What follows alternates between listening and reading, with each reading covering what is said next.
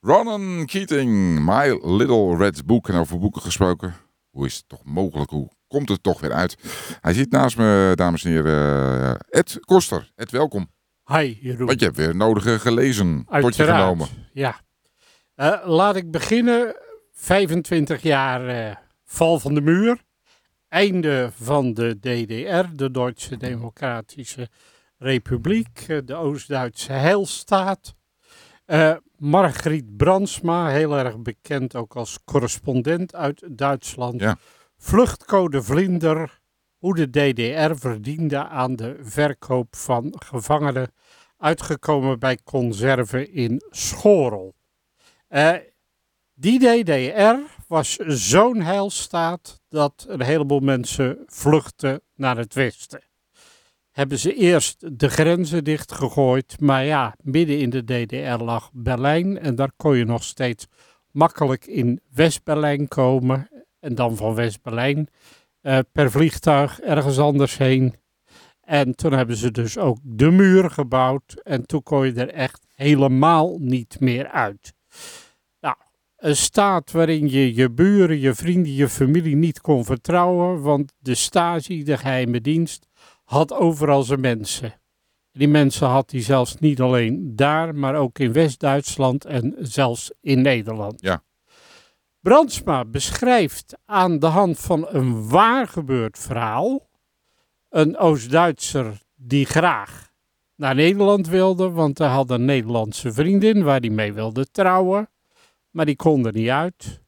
Een vluchtpoging, hij is verraden, dus hij werd in de gevangenis gezet. En uiteindelijk ook zoiets wat je geen idee van hebt. Hij werd vrijgekocht. De inderdaad. West-Duitsers kochten Oost-Duitsers vrij. Ja, ik zag pas, eh, eh, pas een, eh, want dat wist ik helemaal niet. Ik zag pas die documentaire over de, even kijken, was het nou de, de West-Duitse ambassade in, in, ja, in Praag volgens mij. Waar, waar, dan, waar, dan, eh, waar op een gegeven moment een heleboel eh, mensen Ja. uit het Oostblok... eh, Dat was helemaal op het ja, eind. ja. En da- da- daar begreep ik pas dat inderdaad dat de mensen werden vrijgekocht. Ja, daar is zoveel, 3,5 miljard Duitse mark. Dus ja, wat was het ook alweer? Twee Duitse mark in een euro, dus reken maar na. Ja. Is er betaald door West-Duitsland aan de DDR. In eerste instantie kostte iemand 4000 mark en naderhand werd het bedrag beduidend hoger. Ja, ja want ze hadden hard eh, geld nodig. Ja, en het waren natuurlijk ook vaak de mensen, de intelligentsia die weg wilden. De artsen, de, de academici. En ja, die waren geld waard, vond men in Oost-Duitsland. Een heel perfide systeem.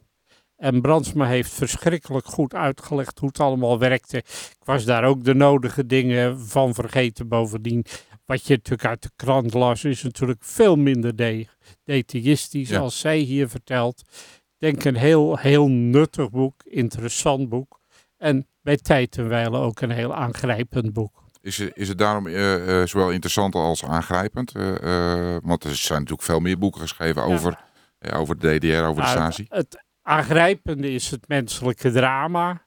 Hè, mensen die niet weg willen, mensen die eh, doodgeschoten worden gewoon omdat ze van het een naar het andere land gaan. Eh, of jaren in de gevangenis gezet worden, eh, martelingen, noem maar op. Dat is het aangrijpende. Aan de andere kant ook wel weer interessant om te zien hoe dat nou precies ging. Ja, precies. Ja.